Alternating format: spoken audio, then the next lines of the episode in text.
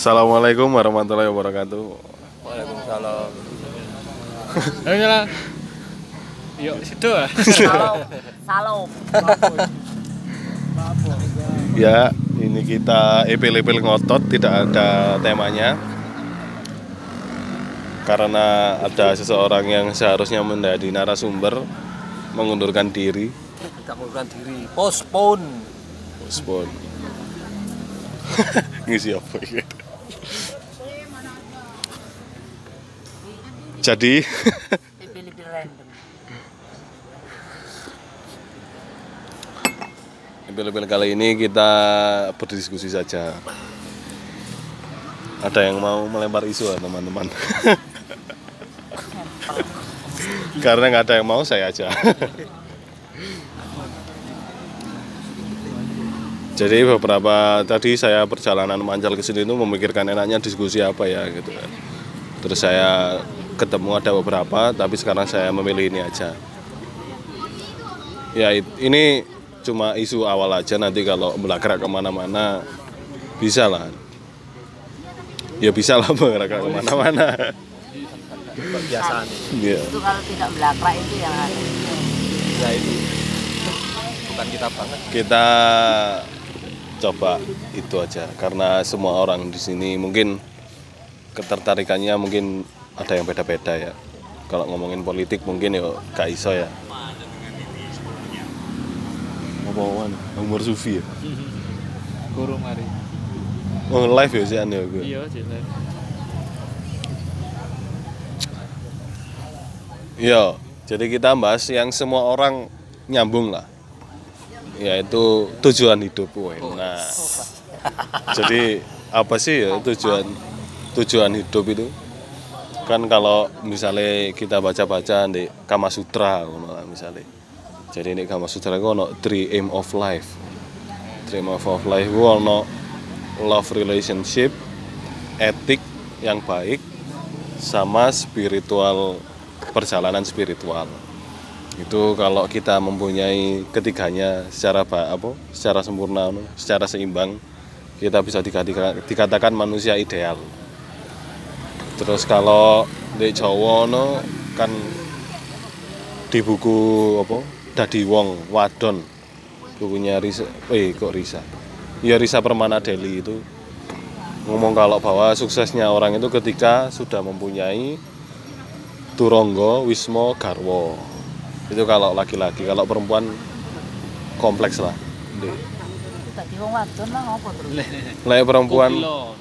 Ya ngono. Ya wis ono lah akeh.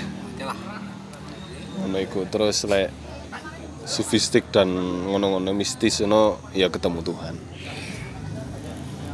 Nah, itu menurut kalau balik lagi nih Jawa itu malah di iku apa di setahu saya malah di rumus nol di umur belasan itu sudah harus apa ya itu biasanya kan kenapa kok sewelas soalnya umur belasan sampai 20 itu sudah mengenal welas asih harus mempunyai empati sama orang lain sudah mengenal cinta lawan jenis kayak ngono lah. Terus pada umur 21 kayak selikur ngono likur itu lah apa lungguh kursi ngono. Kita harus mempunyai jabatan ngono, sampai selawe selawe gitu selawe itu senengnya lanang dan wedok ngono. jadi sudah dianjurkan untuk menikah. Selawe loh mas ya selawe Tahun piro? Oh, tahun. Iya. itu lah espur Iku ono konteks apa iku universal. iku ono konteks zamane ya universal lek zaman apa? Mbahku ya selawe Iya, kelewat nemen rek. Putung. ya ngono, selawe terus seket seket itu seneng ketonan sudah harus banyak beribadah terus 60 itu sweda sejatinya sweda tidak sampai dirumus ngono ngono Terima kasih. ini kalau ingin dibahas silakan dibahas. Kalau enggak ya sampai sini aja. Ya apa? arek? Ya wis anu ae tanggung jawab arek sing sing garai iku Harus. ya memberikan framework atau memberikan setidaknya anu paling apa eh, kasus. Nah masuk gak wong liya kan awake dhewe ya kena ya lek kangelan kasusnya gini lah. Kalau dari saya itu kan belakangan ini sudah menginjak umur kutu belakangan. Sekarang ini saya menginjak umur rolikur yaitu 22 kan itu emang pada saat ini itu saya ada kayak keresahan gitu lah. Keresahan sepintas gitu kayak aku kerja apa ngono. terus kok gak lulus lulus gitu. ya seperti itulah saya sudah dua tahun menginjak menginjak likur ini tapi saya tidak mempunyai kedudukan ya itu saya belum lingguh kursi gitu lah. selain menjadi anaknya ibu saya hanya itu jabatan saya sekarang nah itu terus yo kayak keresahan-keresahan itu tapi apakah apa kayak keresahan-keresahan ini saya pertanyakan lagi. Apakah emang apa umur segini harus mempunyai itu harus mempunyai itu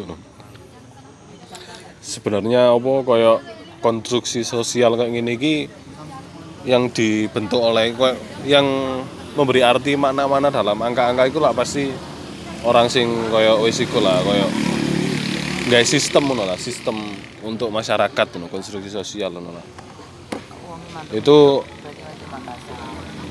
itu saya pertanyakan itu itu kuncian untuk praktis kehidupan masyarakat agar tertata ngono apa emang gimana ngono. padahal kan emang tujuan hidup itu lah kita tentukan sendiri framework apa sih tadi ya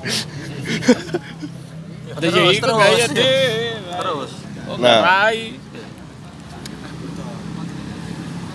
Berarti setidaknya eh, tujuan hidup itu diyakini oleh Mas Aan sebagai sesuatu yang personal, ya bukan bersama. Maksudnya Iya. bukan Universal. tidak ditentukan secara apa eh, ideal. Iya. Oh ini ideal berarti. Oh ini berarti. Iya. Dan saya ketika memikirkan ini itu apa sih tujuan hidup saya itu? Nah, ketika saya memikirkan tujuan hidup saya merasa tidak hidup jadinya. Kayak kok olah apa dipikirkan tujuannya.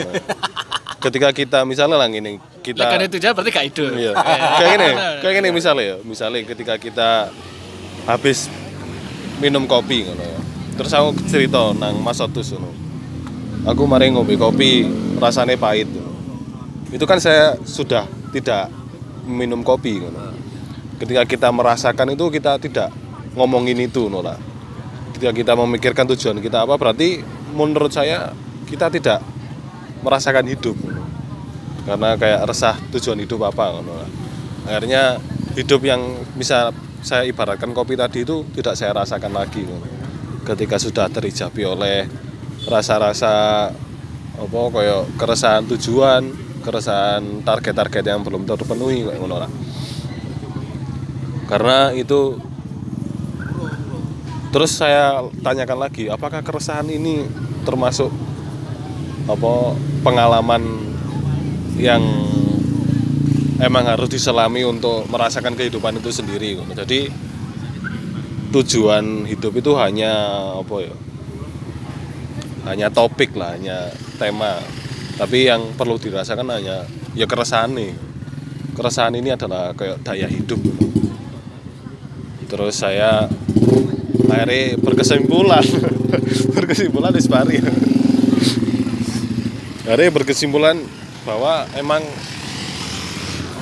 hidup ini tujuannya mungkin ya merasa. Ya merasakan hidup. Entah itu kita dalam kondisi apa pun. Ya seperti itu sih. Kalau kalau menurut teman-teman bagaimana Sikat nggak melarikan diri. Oh, ini berdasarkan urutan umur berarti aku kari. Lho kene padha. Eh apa yang kono? Kalau saya menariknya saya tidak dari keresahan. Saya saya ubah menjadi kebahagiaan. S- contoh kasus, oh, contoh kasus, Kasus gubron. mimpi yang sangat random. Enggak, enggak, enggak. Saya menceritakan Oh kalau mungkin eh, ini apa sih adik Sufi ini resah karena di umurnya belum merasakan punya kursi yang sesuai penjelasan tadi. Kalau saya tidak di situ dulu itu bukan resah ya. Jadi saya itu malah hmm, selalu merasa mencoba merasa bahagia di term umur saya 21 sampai 30. Kita ngomong eh, timeline umur 20-an sampai eh, satu satu dekade itulah 20 sampai 30. Di situ di mana biasanya kalau perempuan itu kan yang dilihat pertama eh, kapan menikah. Topik saya itu aja. Kapan menikah? Saya saat itu tidak terpikir kapan menikah. Jadi saya sibukkan dengan yang lain, mencari-cari, bukan mencari arti hidup, golek sak senenge. Jadi kalaupun dulu saya sempat ber, bukan ipat-ipat ya, bahkan kalau Tipat-tipat itu apa, pun saya tidak menikah di hidup saya, Itu apa, guys? saya tidak masalah. Karena entah apa pemicunya sehingga saya punya pikiran seperti itu, tidak merasa resah ketika di Selawe itu kudu duwe la lanang. Enggak, tapi entah kenapa itu. Padahal teman-teman saya sebaya itu semua resah. Ada yang bahkan idealis pokok 23 aku wis menikah, bah lulus apa enggak, bah wis kerja apa enggak, saya sudah harus menikah. 25 punya anak pertama, 27 anak kedua dan seterusnya sehingga umur 30 dia selesai tugasnya untuk melahirkan. Kalau di eh, berdasarkan ini ya eh, wanita-wanita di era angkatan 2002 itu begitu dulu. Eh, apa itu eh, pencapaian kesuksesan mereka. Jadi yang penting nemu pasangan lek iso soge terus dua anak. Dua anak agak wani tuwek-tuwek soalnya jadi wedi resiko tinggi. Kalau katanya Bu Bidan dan Pak Dokter SPOG Indonesia kan begitu. Tapi itu eh, tidak terpikirkan sama sekali oleh saya, entah kenapa. Eh, di dalam apa ya paling gitu ya selam- semakin kita tidak mencari atau menginginkan sesuatu ku malah kok ketemu dan ya wis ono ono suatu ketika eh, di umur saya 29 saat itu ya saya bertemu dengan bapaknya anak saya itu. Kemudian tiba-tiba entah kenapa kok saya mbek iki ae wis gitu. Tapi yang wong wong durung kenal maksud tak omongno ya mbek iki ae enggak cuman. Oh paling mbek iki iso paling. Ngono tok. Eh I don't set any expectation jadi pandangan pertama itu. Iya pandangan pertama iya ambek iki ae wis ngono. Tapi ya mosok tak omongno ya wedi tak engko mlayu iki opo kok keme- kemecer tenan ngono kok ya. Kebecar. Jadi kan iya lucu masuk ke- pertama ketemu iki ya. Ya jadi kok ketoke rada open minded lah ya, cocok lah wis. Pe- cocok ketoke. Saya juga tidak punya kemampuan untuk membaca orang. Yo yo gak ngaku-ngaku iso maca wong iki tekan jopo enggak. Saya tidak peduli, pasrah nongkok engko ae. Ketoke ambek iki. Kemudian seiring berjalannya waktu, ya itu di umur saya 29 mau ke 30, akhirnya saya eh, mau berkomitmen itu untuk menikah dengan tidak memakai standar-standar yang apa ya Konvensional. Ya, yang menurut saya bukan itu bahasa cek gak nyekek secara keuangan juga. Ya wes kok gelem. Ya sudah jadi. Menurut saya itu. Kemudian 30 ke 40 ini yang saya jalani, saya tidak punya ekspektasi macam-macam. Mee cek iso pancet bareng. Pancet bareng meskipun ndak fisik virtual. Apa ya istilahnya? Eh, Kemis. Eh, kemis apa ya? Tapi. apa itu istilahnya ono jangkare lah menemukan jangkar jangkar tujuan hidup saya itu bagaimana. Jadi bukan tujuan hidup saya itu dengan dia seperti kata apa itu prinsip-prinsip orang menikah itu kan dengan suami ya suami n-nya. Saya nggak berpikir begitu. Saya masih punya tujuan lain tapi eh, jangkar saya ini yang saya pakai untuk menggiring saya nantinya. Embuh ngate mencapai apa ya wis jangkar iki. Bukan dia wis jadi dead end eh, nilai mati kayak tembok bek di ngarepku ora. Tambah dadi rodaku lah nanti. Itu. Ndak tahu bergulir yang saya juga belum merasakan yang 50, 60 roro. Wis Pokoknya melaku ae gelendeng. Entah ini pandangan modern atau karpe dewe atau bagaimana itu kalau saya. Ya mungkin bisa disambung oleh sebelah saya ini. Saya jadi nggak keresahan loh ini, kebahagiaan. Sebentar saya moderator. Oh iya monggo. Ono ae. sebelum meloncat ke orang lain menceritakan tujuan hidupnya, saya menangkap beberapa itu poin yang saya tertarik. Karena sepertinya Mbak Tanti ini tidak tidak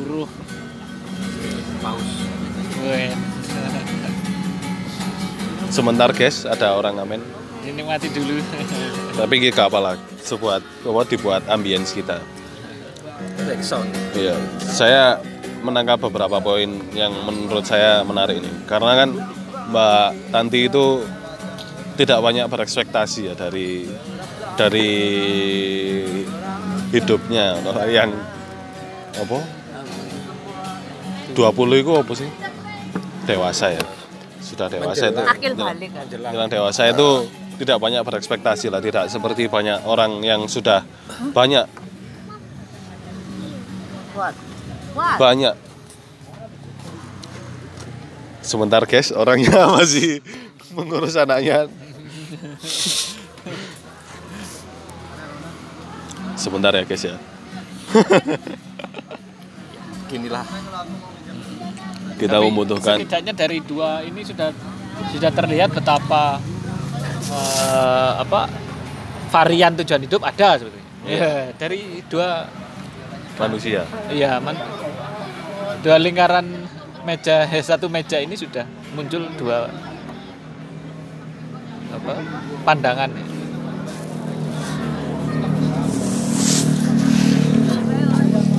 ada beberapa poin yang tertarik lah yang membuat saya tertarik. Pertama apakah cerita ini sudah pernah diceritakan kepada suaminya apa baru keluar pada saat ini. Itu aslinya nggak penting. Yang kedua yang kedua itu tapi nggak boleh dijawab. Iya kan. yang ke, Karpet, itu gak penting menurutmu kan ya? yang kedua kan nggak banyak berekspektasi. Terus apa menurutnya Mbak Tanti ini sepenting apa sih kita mempunyai ekspektasi itu? Kan nah, sebelum lebih jauh dibahas bedanya ekspektasi apa harapan ngono. sepenting apa ya? kalau mau menyentuh ke harapan dan ekspektasi boleh lah terus mau mana emang Loro.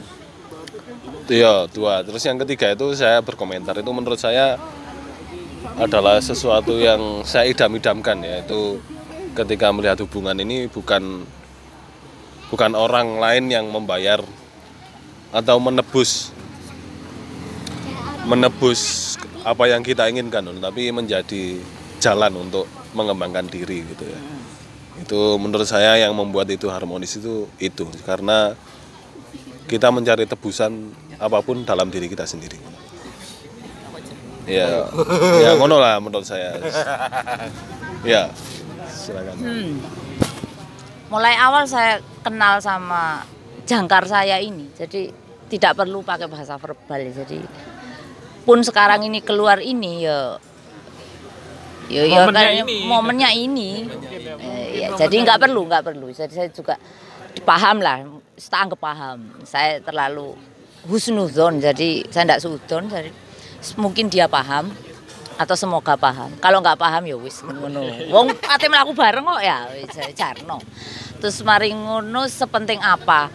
Saya rasa ekspektasi atau harapan atau mimpi atau cita-cita apa istilahnya itulah iming-iming itu juga penting untuk bisa set your target. Jadi biar nggak gelambiar masih ada trailnya, koridornya. Tapi itu juga bukan ukuran fix mendefinisikan arti ekspektasi. Jadi gak apa-apa receh atau remeh temeh kayak aku pingin dang lulus ya gak apa-apa karena bagus. Cek gak nambah SPP gak membebani orang tua api. Lek ndelok itu kan ngono ya. Sengko aku kerja apa gak apa-apa. Cek duwe motivasi melamar pekerjaan. Tapi kalau saya apa ya? Eh apa ini? Saya sih bukan yang eh apa ya? Nggak begitu bukan bahasa jahat banget nggak begitu tertarik mem- mem- membaca bisikan alam lah apa itu ketika setiap eh, kegiatan atau apa yang saya lakukan mulai dulu pun sebelum ketemu dengan eh, jangkar saya ini saya itu orangnya yang begitu. Jadi nggak yang pernah well plan aku kok iki nggak. Jadi apa yang terjadi saya cari Eh, celahnya. Oh ini yang bisa bikin saya enjoy akan saya kejar. Entah di apa pun itu pekerjaan pertemanan hubungan sosial atau apa ya apa pun lah eh, yang ada di hidup ini. Jadi saya tidak pernah merencanakan tidak pernah berekspektasi.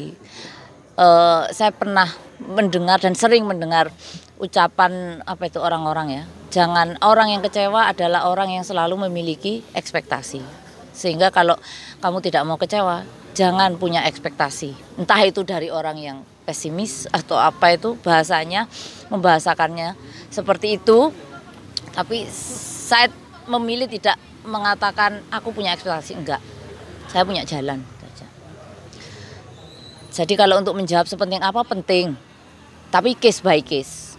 Menurut saya itu lebih baik tidak dikatakan itu ekspektasi. Bukannya saya menghindar kok ono ekspektasi aku kecewa enggak Eh, saya saya cuma menganggap ini jalan. Namanya jalan ya kita lewat jalan itu moro iki ono portale ono masuk kini kata kecewa terus balik kata nangis di gunung kan enggak. Carilah jalan lain. Oh ono menggoan di kini gang dileboni itu jalan. Jadi part of expectation itu tadi. Jadi sehingga kita akan bisa terus menemukan alternatif pun the worst. Ya itu eh, ini. Eh, daripada setting expectation saya tuh mending setting the worst case. Jadi biar saya bisa survive bertahan menghadapi situasi terburuk sekalipun. Saya tidak mau mati atau kalah karena itu tadi the worst plan. Bagaimana dengan the worst itu nanti saya ubah menjadi itu senjata saya. Di pilih yang mana tuh yang katanya what doesn't kill you makes you stronger. Wah, itu terserah lah apa pun lah bahasanya orang-orang tuh ya. Yang menemukan verbal saya kan bukan verbalis jadi verbalis actionist lah ya mending saya itu. Nah anehnya setiap mencari jalan entah kenapa saya itu ndak ndak yang mikir saya dulu. Jadi jalan saya ini lah iso melihat orang-orang lain dulu. Ketika orang lain itu eh, setuju dengan yang saya lakukan oh ini jalan saya. Jadi saya nggak yang egois mikir pokoknya aku iso liwat di ini nggak tapi bagaimana dengan orang-orang nanti yang akan saya lalui di jalan-jalan itu? Apakah mereka berkenan berterima? Kalau mereka oke bukan berarti menyenangkan orang juga. Semoga bisa menyenangkan orang apa pun itulah caranya. Di situ yang bikin saya nikmat. Ekspektasi saya ya, eh, I will live the day gitu. Jadi saya akan selalu optimis setiap pagi itu akan ada ekspek, bukan ekspektasi apa jalan baru yang saya tempuh. Jalan nggak mulu-mulu nemu jeruk iso sorgo limang ewu, jalan bagi saya. Jadi saya happy. Berarti hari itu kepe- eh, pemenuhan jeruk di kulkas saya ada. Nah, itu sudah jalan. Itu yang bikin saya optimis setiap pagi. Jadi oh sih dino iki njajal nang pasar. Soporo bakul murah nah, itu jalan. Itu sudah menghadirkan kebahagiaan sendiri. Entah itu yang saya harus mengeluarkan uang atau tenaga eh, pokoknya apa yang saya temui hari itu akan menjadi jalan saya. I will live by the day itu nggak ada I will live by the timeline of my life itu nggak. Jadi 20 30 nggak. Day by day. Lek katanya penginjil itu hidup cukup tiga hari. Pikirkan kemarin hari ini dan besok. Tapi saya memilih hari ini besok bangun pagi hari ini besok hari ini. Itu. Ya begitu. Saudara Anauri Jalan ninja. saya mau Ya, ya. jadi Jalan ninjanya. saya mau jadi Ini. kodaime Ini karena gelombangnya tertuju kepada orang yang menikah, kita tanyakan yang menikah dulu saja. Enggak ya mas ya. Masa nom nih, diskriminasi Iya. Jadi ini settingnya berdasarkan umur. Berdasarkan gelombang. Dengan begitu sehingga kita jadi tidak milih-milih. Kita tidak akan kenal yang namanya milih-milih atau apa ya tebang pilih ketika ketemu dengan sekitar kita. Iya tidak pernah merasa hati kita ini hati otak kita ini akan menolak aduh aku gak senang ambek iki enggak. Jadi oh iki tiba sing ketemu ya wis iki ae digarap. Apa pun yang kita temui akhirnya memandang itu yo yo ini jalan jalanku bah ketemu sing jari ini enggak teli nyancui lah apa. Enggak tiba oh tiba enggak nyancui wong. Eh, lek lek ditelisik temen yo enggak gitu. I try to live by the day. Jadi mungkin orang itu juga live by the day gitu. Dino iki tok paling ngono sesuk enggak nah, jadi memberikan saya apa itu? Eh, tetap berprasangka baik. Ya sudah itu aja. Yes. Ayo Karena tadi ditambahi jadi saya mempunyai satu pertanyaan kepada Mbak Tanti oh lagi. iya liar oh iya edisi Ya, yang itu- menyenangkan Kan katanya live by the day you know. kayak apa kayak ren- rencananya itu untuk hari itu you know. Nah, ketika menghadapi sesuatu kan pasti ada kayak jalan untuk menolak atau menerima gitu ya. Nah, saya rasa Mbak Tanti ini dari berdasarkan ceritanya itu menerima pilihan yang disodorkan itu bukan dari perasaan senang atau tidak senang ya, tapi mungkin apa ya manfaat atau tidak bermanfaat untuk dirinya sendiri atau orang lain gitu. Itu apakah benar seperti itu? Manfaat itu wah takaran manfaat itu susah ya. Kalau orang-orang yang masih agak nyinyir itu mungkin bilang gini kon api oh itu loh ono wong sing gak seneng kebanyakan akan bilang begitu. Tapi kalau saya saya tidak berpikir manfaat. Saya yang berpikir this is the best what I can do. Selama menurut saya ini baik dan berguna ya sudah. Lepas itu orang mau mengasumsikan tidak berguna tidak perlu kamu berbuat seperti ini saya keplas itu. Ibaratnya ngeplas endas kalau kita bilang punya hati tak keplas endasku lek ngelakoni iku jadi hatiku bilang ya wis lakonono gitu. Bukan bukan iki api kon oleh pahala enggak. Saya enggak tahu ukuran pahala itu bagaimana. Pencatatannya saya enggak tahu. Pokoknya kon share ngelakoni ya wis. Nah berarti kalau share berarti kan saya punya takaran dalam ini ya. Hati nurani dan otak saya ini juga sudah ngitung lah ya punya perhitungan oh yo iki api mungkin membantu atau mungkin berguna untuk kalau gak bukan bukan kamu untuk orang yang akan kamu tuju. Jadi api dan tidaknya itu kan berarti itu ya. Dari apa? Ngukurnya tidak berdasarkan senang atau tidak senang. Saya sudah tidak saya tidak pernah lagi setting happiness atau sadness. Selama ini saya mau melakukan saya mau lakukan.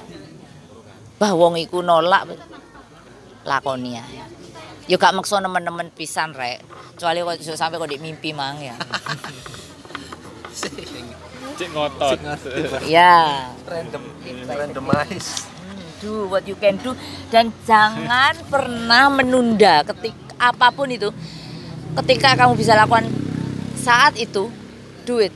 Entah itu yang selalu menjadi ini saya. Jadi meskipun misalnya kalau ada deadline pekerjaan yang paling gampang pekerjaan atau kayak mengerjakan skripsi itu ya. Oh tenang saya ketemu dosen minggu ngarep oh sik duwe waktu pitung dino. Kalau saya saya entah ya dulu mulai zaman saya sudah bisa bayar sekolah saya sendiri terus kerja itu saya setting begitu.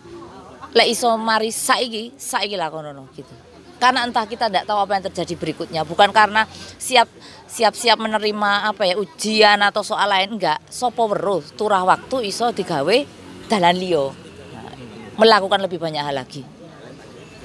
Within the day. Jadi jangan ditolak ya. Eh jangan ditolak jangan ditunda ya. Iso saiki awakmu mbek nyambi ngetik apa mikir ide gawe bab limomu apa-apa iya lakonono dan itu kalau saya memberikan kepuasan sendiri eh gak luput to golek kerupuk opo-opo. Ah kerupuk isi iso ndek kono kok. Tapi iki aku wis ketok kerupuk ngono kok gak saiki. Itu membuat saya lebih eh, apa ya satisfied. untuk saya sendiri. Iya iya wis. Padahal ya lha apa saya kesusu dino iki kan gitu. Ojo kesusu susu bukan kesusu itu. Itu eh, prinsip saya. Iso saiki saiki saya dicanda dicanda Gitu. Saiki. Iya iya balik rono maneh. jadi begitu Yes. Course. ya itu tadi itulah ya jadi item-item untuk menjalani kehidupan menurut Mbak Tanti gitu. sekarang kita tanyakan kepada suaminya Terus dia dia engkore Mas. Kore. saya kembalikan ke itulah bahwa harapan dan ekspektasi ini kan banyak sekali ya bahwa narasi-narasi yang terbentuk ngono kayak mosok urip gak duwe harapan ngono. Dan ekspektasi kan mungkin apa kayak selama ini yang saya pikirkan itu kita ekspektasi itu tidak perlu di kita melekat begitu dalamnya no lah. Tapi harapan kita perlu melekat no, emang. Kalau harapan untuk hidup lebih baik harapan untuk menjadi orang yang lebih baik apa ya lah kayak misalnya kalau kita bahasa Jawa kan kayak harapan itu kayak sir ngono lah. Tapi kalau ekspektasi itu kayak kekarapan yang keinginan yang kalau keinginan yang akhirnya membuat kita bergantung kepada sesuatu yang di luar kita. Kalau kayak misalnya kita ingin makan ngono terus kalau kalau panganan ngono akhirnya kini kecewa ngono ya itu menurut saya kayak gitu. Terus kalau menurutnya Mas Sigit gimana lah iya yang ceritane Iki aku gak pertanyaan apa-apa iki. Nek iku tok. Iya, itu tetep pentingnya liar. itu pentingnya harapan dan, dan ekspektasi lah untuk maintaining hidup kita agar tetap bahagia Loh, iku loh. Permasalahannya sebetulnya eh, pada kata-kata agar kita tetap bahagia. Nah, sebetulnya itu eh, pandangan kalau menurut saya itu melihat kebahagiaan itu seperti di luar yang sa- yang kita kais-kais kita cari-cari. Nah, gitu ya. Padahal sebetulnya kalau saya seperti dalam ipil-ipil beberapa waktu yang lalu itu itu eh, ya harapan ini dan juga pernah saya katakan pada masaan dulu di warung kopi Cak Tani mungkin ya bahwa eh, s- kesejatian manusia itu bahagia jadi itu melekat sebetulnya tinggal kita saja yang menumpuk-numpuknya dia dengan ekspektasi mungkin dengan harapan Eh, sehingga kalau kita tidak mencapai eh, situasi atau kondisi tertentu maka kita tidak bahagia. Padahal sebetulnya itu melekat, tinggal kita kenali saja apa eh, kita akui saja bahwa kita bahagia gitu. Itu wis selesai wisan. Nah, itu mungkin salah satu konsep hidup ya ala saya, ala saya. Tapi jelas man- manusia itu eh, butuh informasi-informasi yang eh, yang mau ndak mau akan menggiring dia untuk apa menetapkan ekspektasi atau harapan seberapa seberapa lama durasinya itu ya terserah ya. Itu terserah manusianya. Itu berkembang sesuai dengan konteksnya sendiri-sendiri. Kalau dia mahasiswa maka sudah otomatis dunianya sudah terkungkung pada semesteran. Karena kan? Urusannya ngono lho. Dia berani keluar dari framework mahasiswa dia akan bertemu lagi dengan yang lain. Dengan yang memiliki kebebasan sendiri-sendiri. Tapi setidaknya eh, ini balik tujuan hidup ah. Nah, setidaknya saya masih eh, masih menyukai ini bukan juga ekspektasi juga bukan harapan. Karena saya tidak berani berharap sejauh itu. Tapi setidaknya ada waktu eh, ada momen di hidup saya itu punya idola. Itu jelas. Em, umur berapa idolanya seperti apa idolanya seperti apa. Nah itu juga saya pahami sebagai faktor untuk berbahagia sa- saat itu saat itu ya kalau memang itu yang terjadi nah, itu normal saja kalau sekarang mungkin eh, beberapa terpengaruh dengan beberapa tahun yang lalu umur-umur 30-an awal gitu ya, bahwa kebangkitan seseorang itu harusnya umur 40 lah setidaknya apa pun kebangkitan eh, secara personal ataupun secara sosial itu umurnya 40 Iya. ya.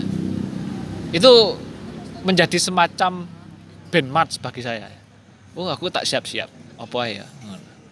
Nah, baik itu eh, saya harus mencapai setidaknya kalau kebahagiaan ya itu level kebahagiaan atau level setidaknya kesehatan lah. Itu tertinggi di hidup saya.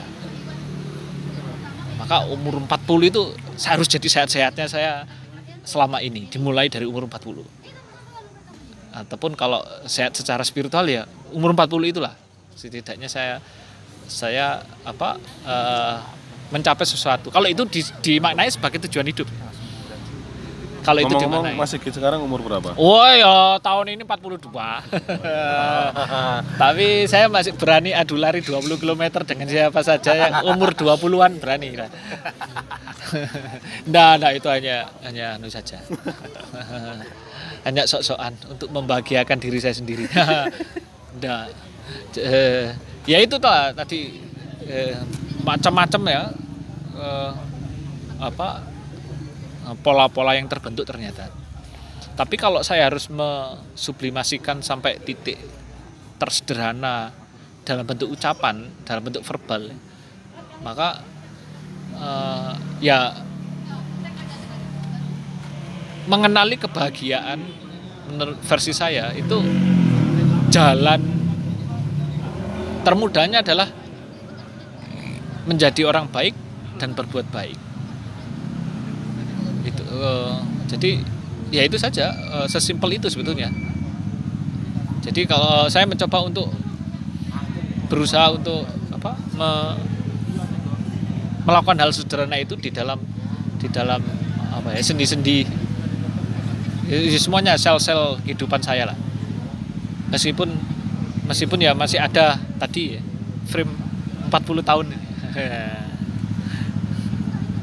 ya mungkin tahulah idola saya siapa kalau umur 40 tahun terjadi kebangkitan ini Konfusius. Wah. nah itu menunjukkan bahwa ada semacam universalitas di dalam di dalam apa diri kita untuk mungkin mempunyai akses terhadap eh, kebangkitan besar kesadaran atau kebangkitan besar intelektual atau apa pun bentuknya ya. itu ada fase-fase tertentu.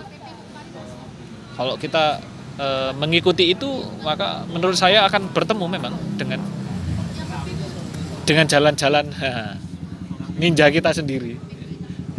Sehingga kita akan lebih mudah tahu oh posisi saya di sini loh sebetulnya posisi saya di sana loh selama ini umur 40 tahun lah dari saya. Target saya. Target saya Honda itu semacam ya benchmark lah benchmark. Gitu. tapi eh, ya untunglah di umur 40 tahun ini saya sudah me- ya sudah sangat ber anu ya apa ya eh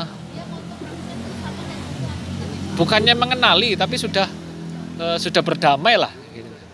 berdamai dengan banyak hal di dalam hidup saya yang nantinya membuat saya kesulitan untuk untuk Tidak bahagia. tidak bahagia gitu sudah sangat sekali bisa berdamai Nah, ini kalau ditanyakan tujuan hidup ya susah sekali untuk diverbalkan. Ya mungkin ya itu tujuan hidup saya mungkin ya jadi orang baik dan berbuat baik kali. Ya, sesederhana itu saja. Jadi tapi ternyata kalau itu apa itu dimanifestasikan dalam tindakan itu menjadi menurut saya sendiri versi saya menjadi sangat apa eh, melebar dan dan eh, bisa eh, apa ya, membuat saya dalam situasi yang yang menurut saya keren. Bagaimana sih saya tidak punya uang misalnya gitu ya, tidak punya materi untuk membagikan orang lain, tidak punya apa eh, kemampuan misalnya. Saya nyanyi ya ya yang seperti itu nyanyinya. Saya tuh belum yakin orang yang saya nyanyikan itu bahagia dengan nyanyian saya gitu. Karena segmented sekali. Maka eh, apalagi ya apalagi saya cari. Sampai pada oh ya kalau gitu kehadiran saya saja. Hal-hal seperti itulah gitu. Oh kalau ini saya harus bekerja s- eh, dibandingkan dengan ada teman yang lama yang mengajak untuk nyangkruk misalnya. Oh eh, di mana ini apa eh, fungsi diri saya dalam perbuatan baik ini dalam lingkaran baik ini ya sudah mungkin dari sana saya memutuskan untuk untuk nyangkruk saja. Toh mungkin eh, cari uang bisa besok atau bisa ditunda atau bisa didamaikan. Berdamai tadi. Toh seperti itu. Tapi setidaknya itu sudah menjadi apa ya semacam rambu-rambu lah. Tidak menjadi eh, semacam eh, pola dasar di temuan saya di beberapa tahun belakangan ini.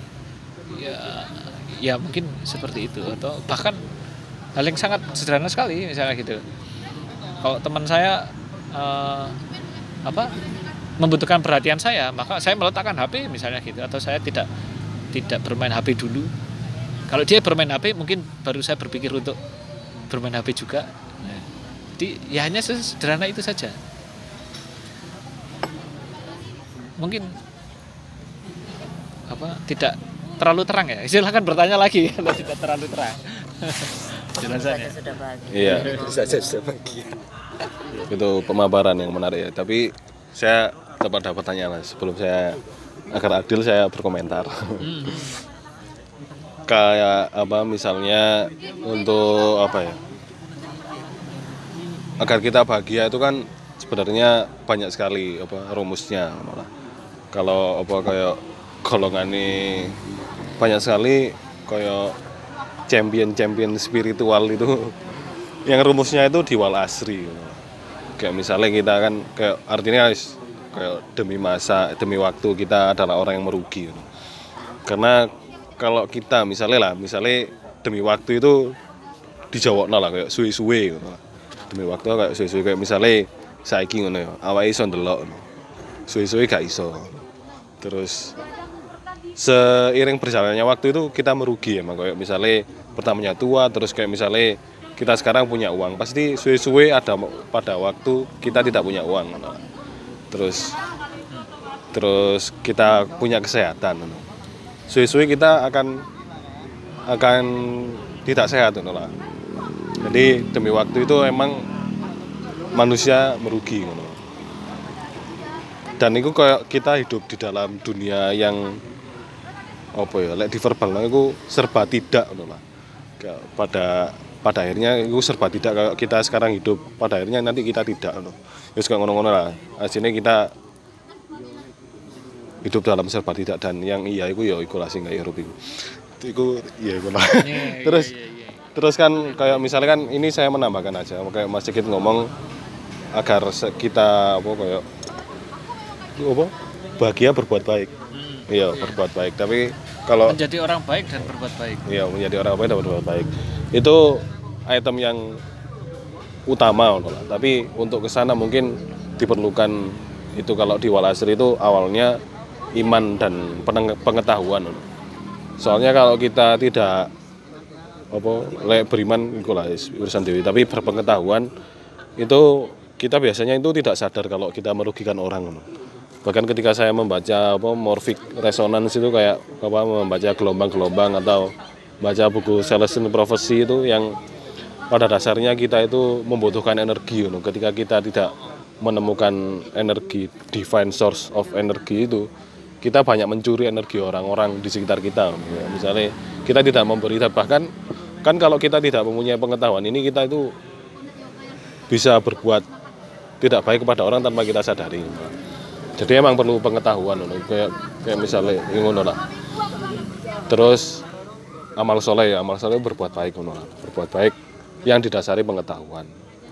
Setelah itu menyebarkan ke apa? Kebenaran. Lagi-lagi kan itu perlu pengetahuan pengetahuan dan didasari oleh amal yang soleh sehingga kita menyebarkan kebenaran yang orang-orang butuhkan. Terus setelah itu mengabarkan kesabaran karena proses tiga itu kalau tidak sabar akhirnya tidak konsisten. Kayak ngono lah. Ya mungkin itulah. Itu apa surat yang sangat digemari oleh Imam Syafi'i gitu. bahkan dia itu ngomong aslinya seluruh mah- apa, manusia di dunia ini hanya perlu memahami surat ini saja agar bisa mencapai kesejatiannya ngono lah. Ya ngono.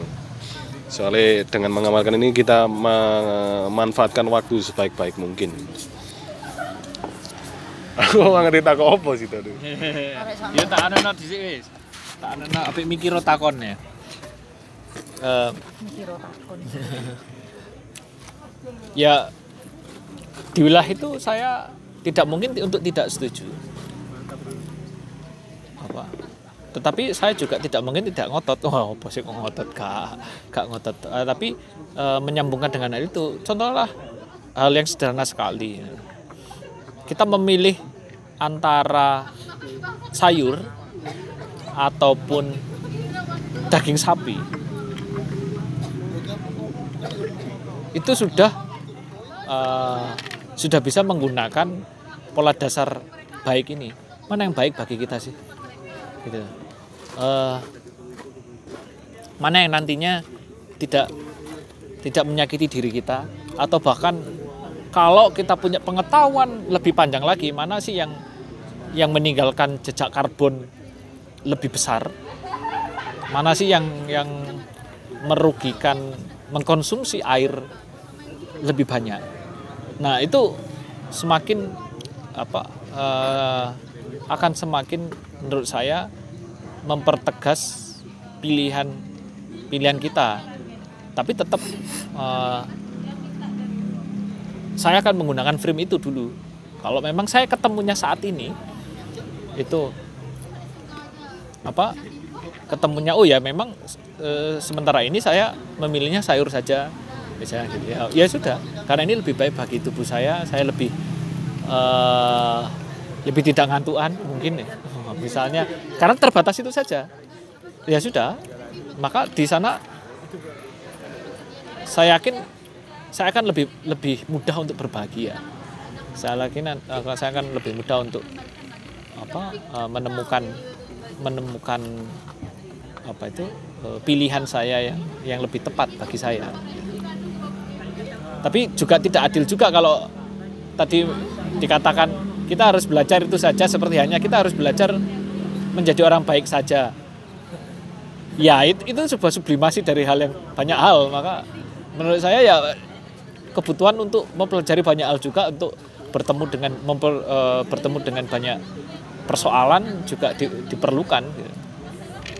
Atau bahkan melakukan banyak kesalahan pun juga sangat diperlukan.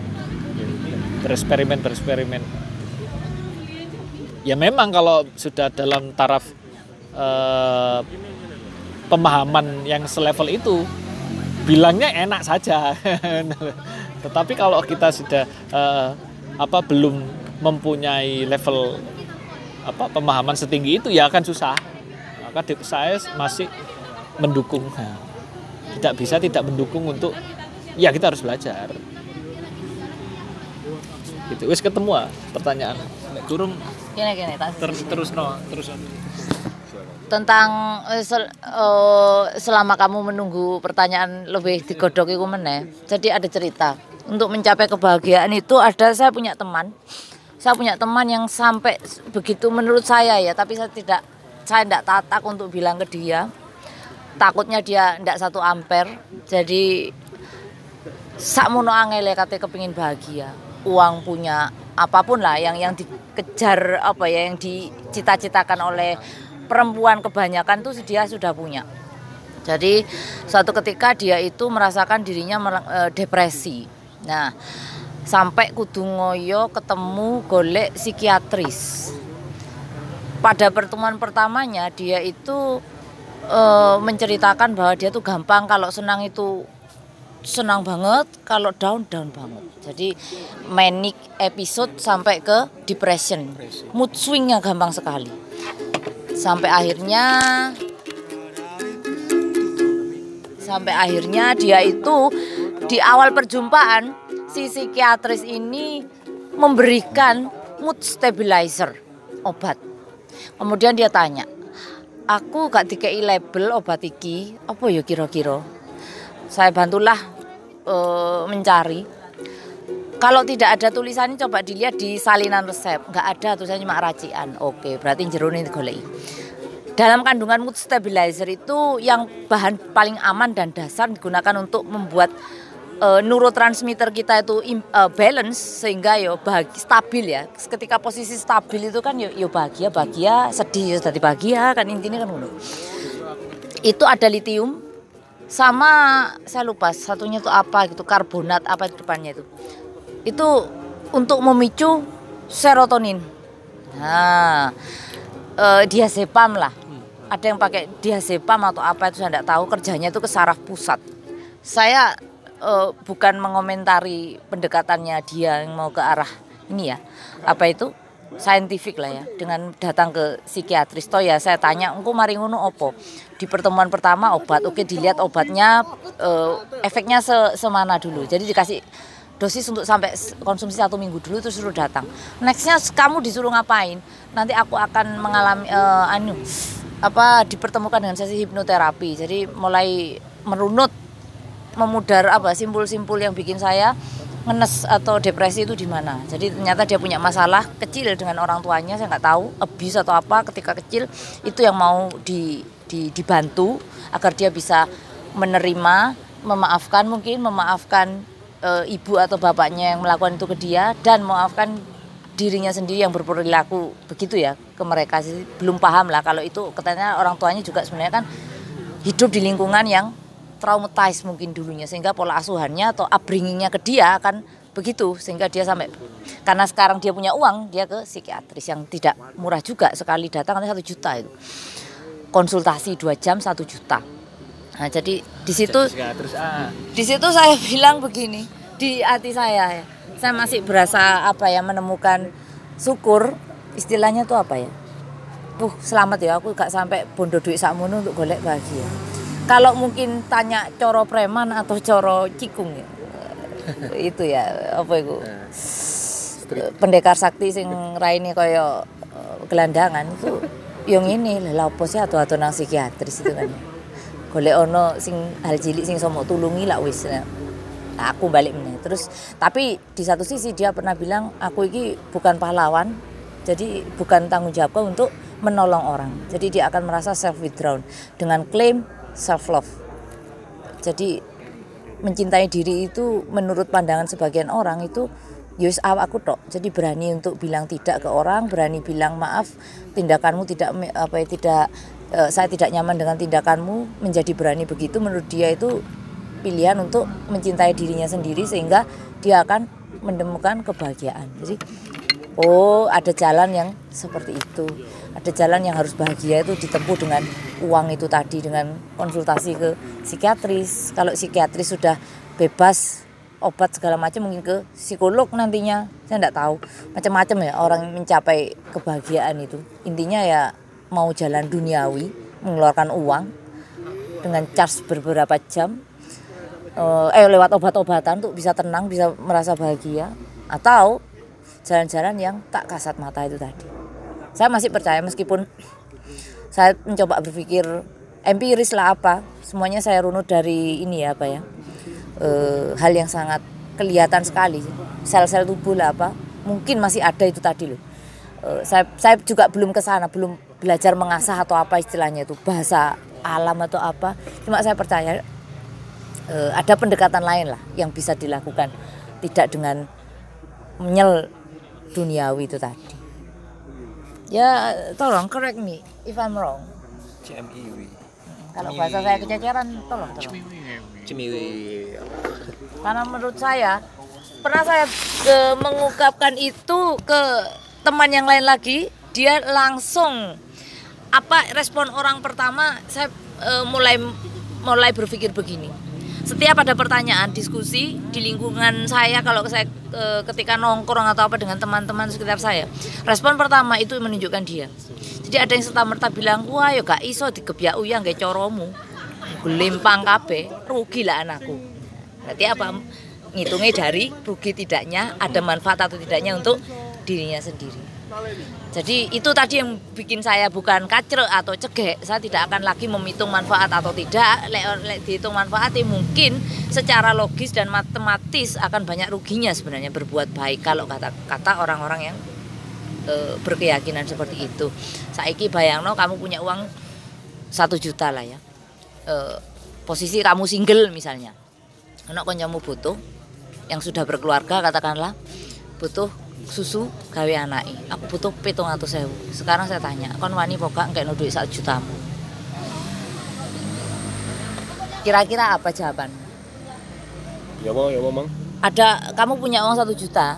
Kemudian suatu ketika teman kamu eh, itu mau pinjam bukan pinjam bahasanya aku aku butuh duit gitu. Bukan aku nyile lek nyile kan akate jelas kok dibalik aku butuh duit petong atau saya awakmu duwe. Ya wis gak ono meneh tak tuju mbuh ya apa kok aku menuju ke awakmu. Soalnya aku butuh gawe no susu anakku bla bla bla lah. Apa yang pertama kali kamu akan sampaikan ke orang itu kira-kira? Ya kalau saya lihat dulu uang. Oh, aku berarti aku di duit ya kan iki ya. ya satu juta. Tak kayak nol ya aku. Kayak no tidak ada tapi-tapi di belakangnya. Kalau soalnya ketika aku mempunyai uang kayak ngono ono sing jaluk aku sering dalam kondisi itu itu menganggap orang lain lebih butuh daripada aku. Ya seperti itu sih. Kalau saya terlepas pertimbanganmu sebagai seorang single yang sakjane aku gak butuh. Masih toh yo butuh aku nak telung atau saya posisi misalnya kamu juga belum berdiri di luar apa ya rumah orang tua mangan sak gak duwe ini kan iso njaluk hmm, pawon misalnya. Kan ada yang sih oh aku sih single. Tapi kan saya untung aku sih gelem ngewangi.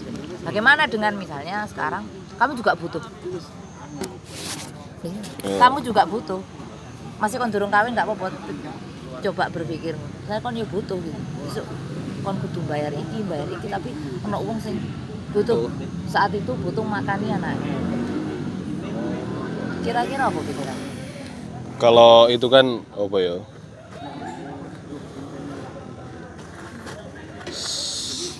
Yo, ya apa ya aku selama ini belum pernah ada kondisi membutuhkan uang. oke Jadi mungkin lah, Itu pertanyaan tidak tepat. Iya, lek aku. Ada orang yang tidak tepat. lah aku berhipotesa, mungkin ketika aku membutuhkan uang ngono ya. Mungkin aku tetap membantu. Tapi tidak 700 ribu, mungkin 400 so biro. Ketika itu mungkin gitu ya. sing penting gak ngitung-ngitung manfaatnya iku mang Iya. Oh. dan kamu masih punya cadangan untuk dirimu sendiri begitu asas manfaat sih berlaku berarti Oke. Iya iya iya. Apa kon? Iki sliding sliding kan? Iya. Oke. Apa? Saya dulu mungkin pernah berbicara kepada Mas Aan dulu mungkin Eh, dengan pertanyaan kenapa sih atau a- atas alasan apa kita memilih pasangan? Iya. Ya mungkin ini juga belum pernah saya bicarakan dengan istri saya gitu loh. Sama saja ya karena momen momen saja gitu loh. Karena momennya mengantarkan ke sini dan saya merasa tidak membutuhkan untuk untuk apa mendiskusikan ini dengan istri saya. Saya kita punya diskusi diskusi yang lebih hangat daripada ini gitu. Eh, misalnya tadi urusan serotonin tadi itu lebih hangat daripada diskusi saat eh, karena ini sifatnya momen maka saya mungkin hanya hanya sekedar sifatnya tematik ya malah jadi di awal-awal pilihan saya eh, saya juga berkata apa eh, Mbo itu dikatakan secara umum itu prematur atau tidak untuk mengiyakan bahwa ya ini gitu. Dengan kualitas atau dengan eh, pandangan saat itu bahwa saya ini sedang dalam ke- kepingin sedang apa mempelajari menjadi orang baik dan berbuat baik. Tapi ada eh, saya kenali halangan-halangan saya. Saya saya saat saat itu apa itu butuh belajar untuk mengendorkan banyak sekali logika-logika bahkan dalam logika-logika eh, keuangan misalnya gitu ya. maka eh, saya kalau dalam posisi se- seperti satu juta itu maka saat itu saat itu ya eh, sebelum menikah itu ya, itu saya akan berani untuk memberikan 500 tidak 700 tetapi saya yakin eh, kalau dengan apa eh, calon istri saya ini maka saya akan berani 700 gitu. Maka ya itulah ala- eh, alasannya. Ya. maka eh, saya membutuhkan membutuhkan orang ini ada di dalam hidup saya. Untuk apa ya itu apa itu self love ya gak eruh ya. Ya apakah itu saya melihat diri saya sendiri. Ya nggak tahu pokoknya ya yang ngono lah dibalik no mana ya nang kocokku sing butuh psikiatris itu. Jadi dia lebih apa ya rela mengeluarkan satu juta untuk konsultasi itu daripada pernah disambati oleh temannya yang lain yang kala itu butuh tempat tinggal. Dengan asumsi kita itu kayak kebanyakan orang ya. Kalau kayak ibaratnya mancing ikan apa ya jangan menabur apa itu kalau ngasih orang jangan jangan ngasih ikannya tapi kasih apa itu? Kail. kailnya biar orang itu bisa nantinya mencari ikan. Terus ada banyak lagi lah pembelaan-pembelaan itu ditunjang misalnya begini. Ciri orang yang eh, apa ya orang yang tidak apa itu tidak tahu berterima kasih itu ketika dia lebih memilih dibantu uang daripada dibantu ilmu untuk mencari uang. Dan berbagai macam teorinya lah wis apa itu ya. Ya itu mungkin kebanyakan orang masih setuju yang pola pikir begitu. Jadi sehingga kalau dalam kasus donasi mendonasi atau apa saya lebih baik tidak ikut inilah ya teori atau apa itu katanya itu. Mereka lebih masih berpikir aku sih lebih butuh satu juta aku lebih relo gawe konsultasi ini. Daripada siapa tahu kalau dia mencoba satu juta itu kayak no kancane bahagia. Tanpa butuh mood stabilizer itu tadi saya nggak tahu ya. Jadi yang ngono iku lah kalau dari kacamata saya atau selama ini saya merasa happy ya wis oh, berarti ki dalanku ini dan bukan berarti dalan ini akan fit to everyone. Begitu. Jadi mood stabilizer saya adalah live by the day itu tadi selalu bukan berharap ya selalu yakin pasti ada jalan untuk belajar di setiap hari apa pun itu Ya. Si sing rabi kok, sing kurang rabi kok. Les. Ya. Ya. Itu apa itu ya? Ada satu hal yang membuat saya ingin bertanya itu tentang kita mungkin saya dan Mas Otuf, Mas Otuf sudah merasakan lah dua keluarga ini energinya bagaimana ketika kita berada di sekitarnya. Nah itu eh satu keluarga kok dua keluarga, satu pasangan ini loh. Ya itu melalui ceritanya tadi itu saya ingin mempertanyakan apa sih yang ditanam dalam secara sengaja ya. Kan saya melihat itu kayak saya sendiri biasanya gitu. Untuk berbuat baik itu banyak sekali ono. Apa antah apa antah berantah logika yang harus saya terobos lah. Untuk berbuat baik ya ngono lah ngono. Soalnya ya itu banyak banyak pertimbangan ngono. Nah, itu apa no apa kayak yang ditanamkan oleh satu pasangan ini dalam hatinya lah.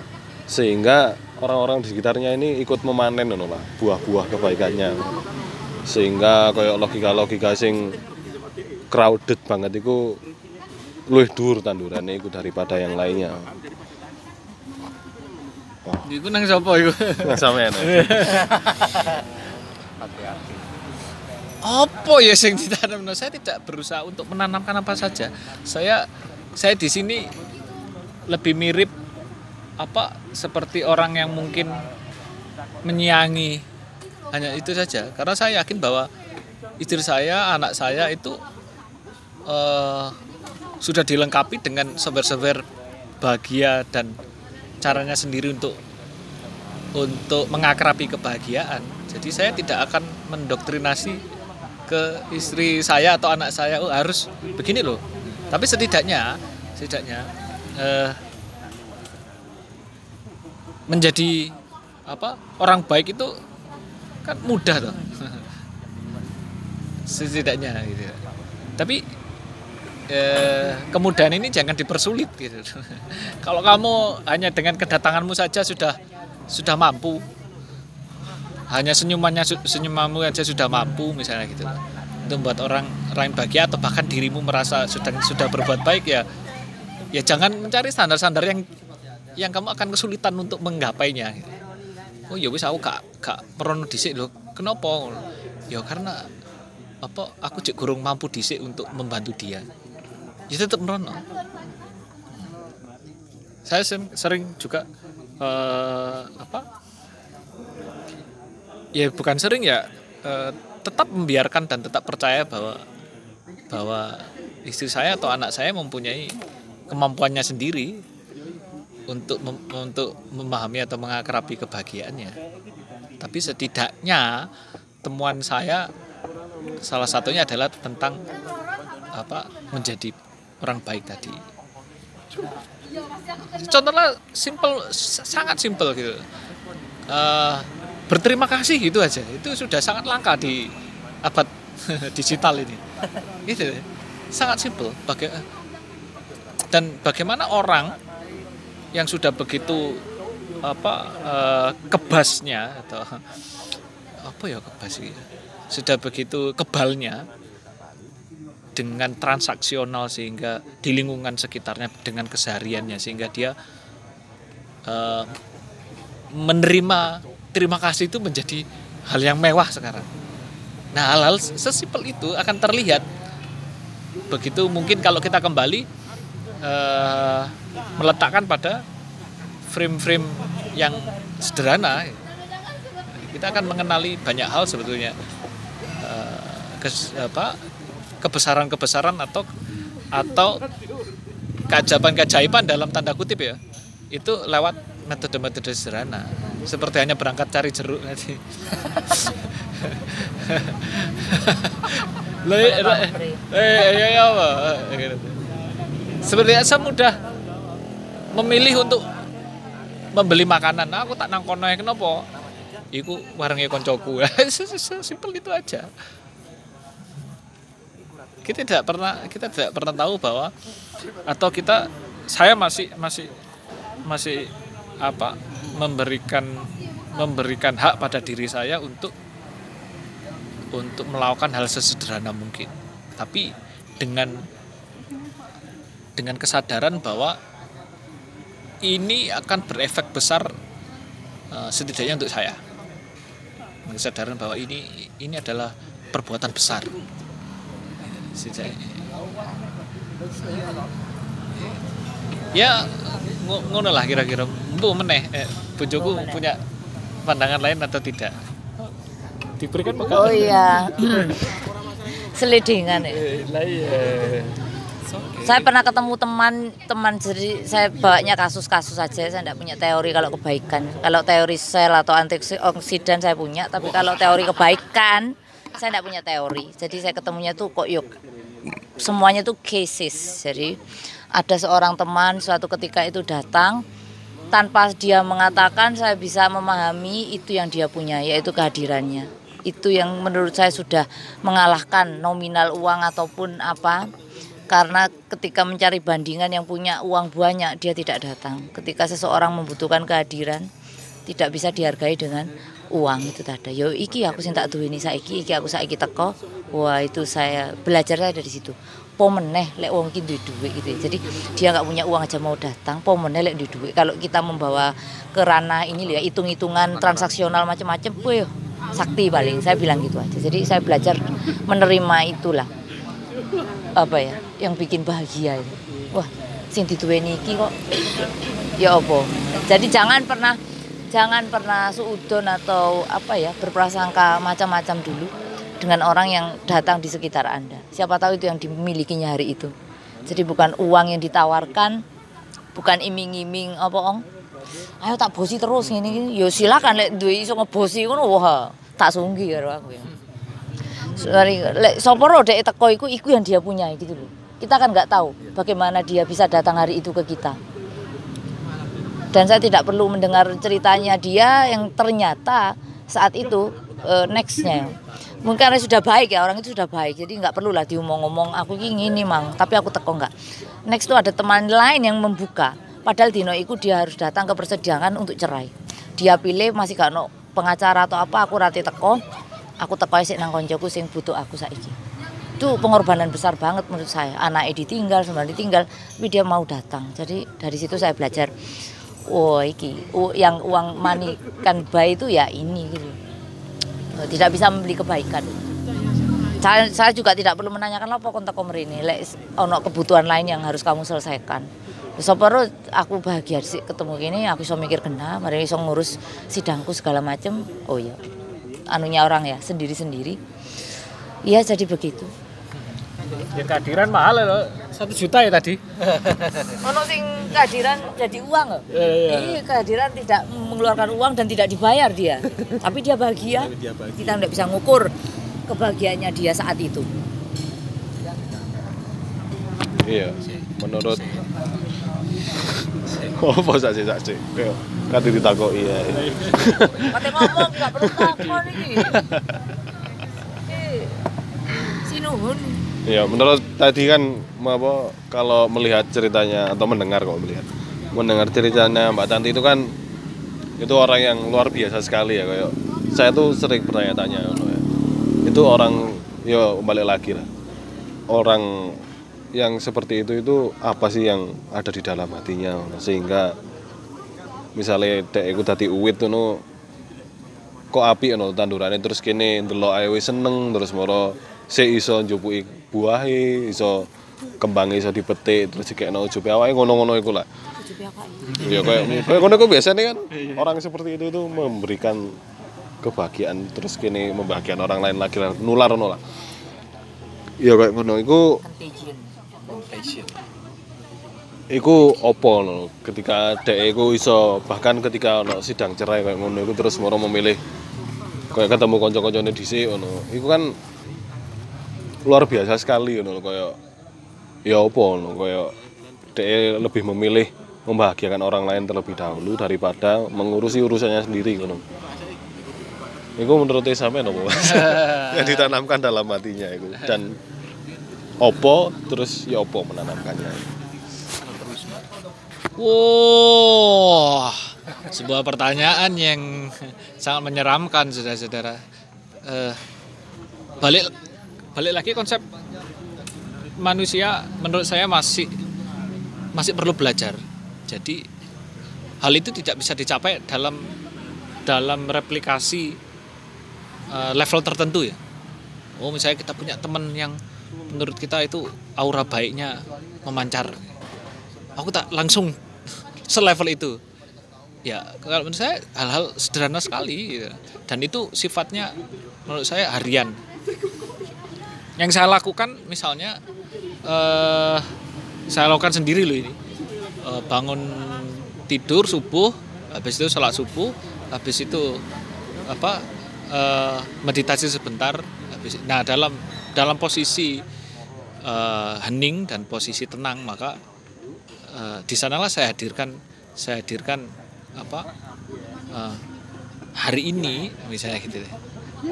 Saya mampu berbuat baik hari ini. Apa pun bentuknya.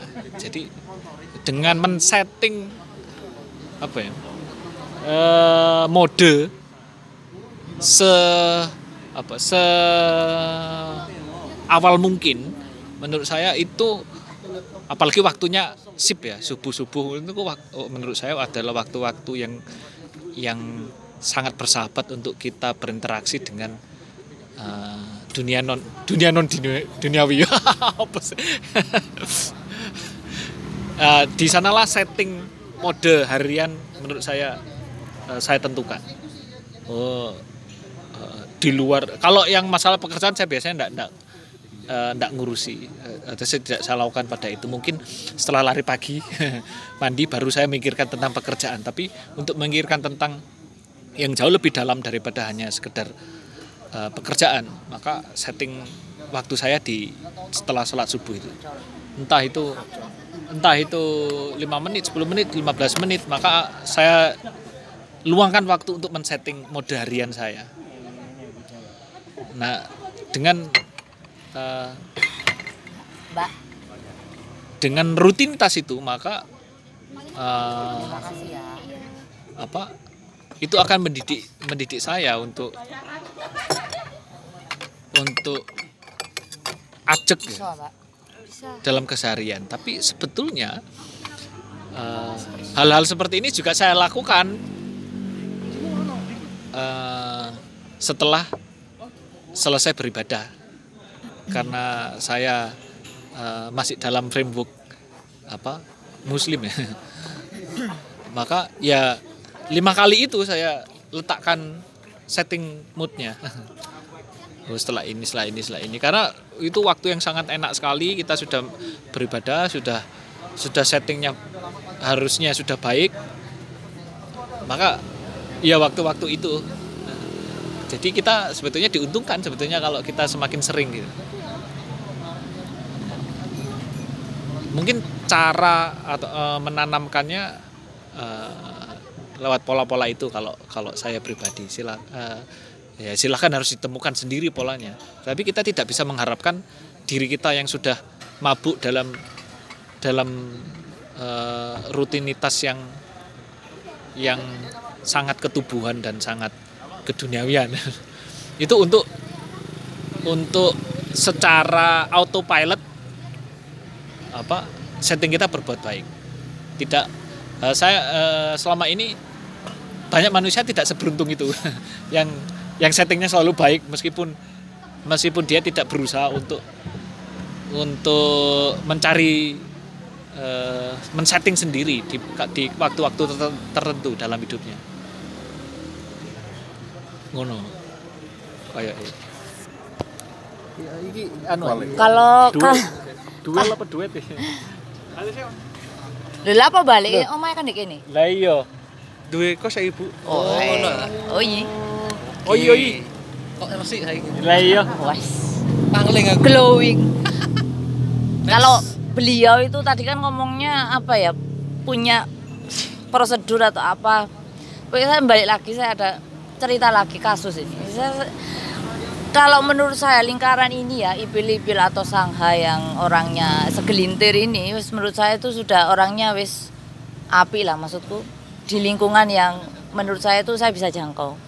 Somehow saya ketemu dengan teman-teman yang memang saya mencoba apa ya meng- mengekspos saya ke yang tidak di ampere-ampere teman-teman ini. Jadi yang tingkat berterimanya ke orang lain itu masih rendah itu somehow saya saya coba saya dekati. Suatu ketika dulu ada reuni kecil-kecilan saya Eh, dan ada satu teman saya ini yang nyentrik mulai zaman kuliah. Jadi terkenal satu gay kemudian berpindah-pindah keyakinan entah mulai apa itu mulai jadi takmir masjid kemudian pekerja hugus kemudian juga dia itu yang katanya pinter kejawen kemudian akhirnya punya nama baptis apalah segudang segudang ini ya label yang menurut teman-teman yang lain ini dipandang apa ya jelek hitam dark spot semua menyayangkan. Ketika saya ketemu saya tidak ada aura itu jadi begitu datang saya perlu bu kon selamat tak urip ah kon sean dia yang seketika entah ya nangis. Jadi heh kon lopo nangis? Eh, iya lanang aku lu duduk lanang asli ini nggak dibilang gitu. Jadi kali ikira aku disambut. Lah mulai mang nginep ambek arek-arek iki opo? Gak aku diceramai dibalekno di apa jare istilahku di ru'iyah segala macem lah. Cek aku balik kena di situ teman-teman apa ya berteman itu juga ternyata membawa membawa ini ya label. Jadi mereka tetap ada benteng akhirnya. Tidak memandang orang itu sebagai satu entitas. Dia tuh human gitu loh. Entah mau genderless entah mau religionless itu tidak ada pikiran orang-orang. Jadi ketemu yang satu apa itu satu keyakinan satu eh, pemahaman gender yang secara umum itu yang dianut oleh teman-teman saya yang kebanyakan. Sehingga kalau membicarakan si tokoh teman yang dianggap antik dan nyentrik ini akan selalu jelek arahnya. Kenapa kok tidak memandang baiknya? Kita kan nggak tahu dia sudah mencapai laku spiritual apa lah ya. Kalau saya tetap saya akan berpikiran positif setiap orang itu punya perjalanan sendiri, punya trace sendiri, pasti dia mencapai sesuatu. Lek mencapai sesuatu gak kira urip sampai dino iki saya bilang gitu.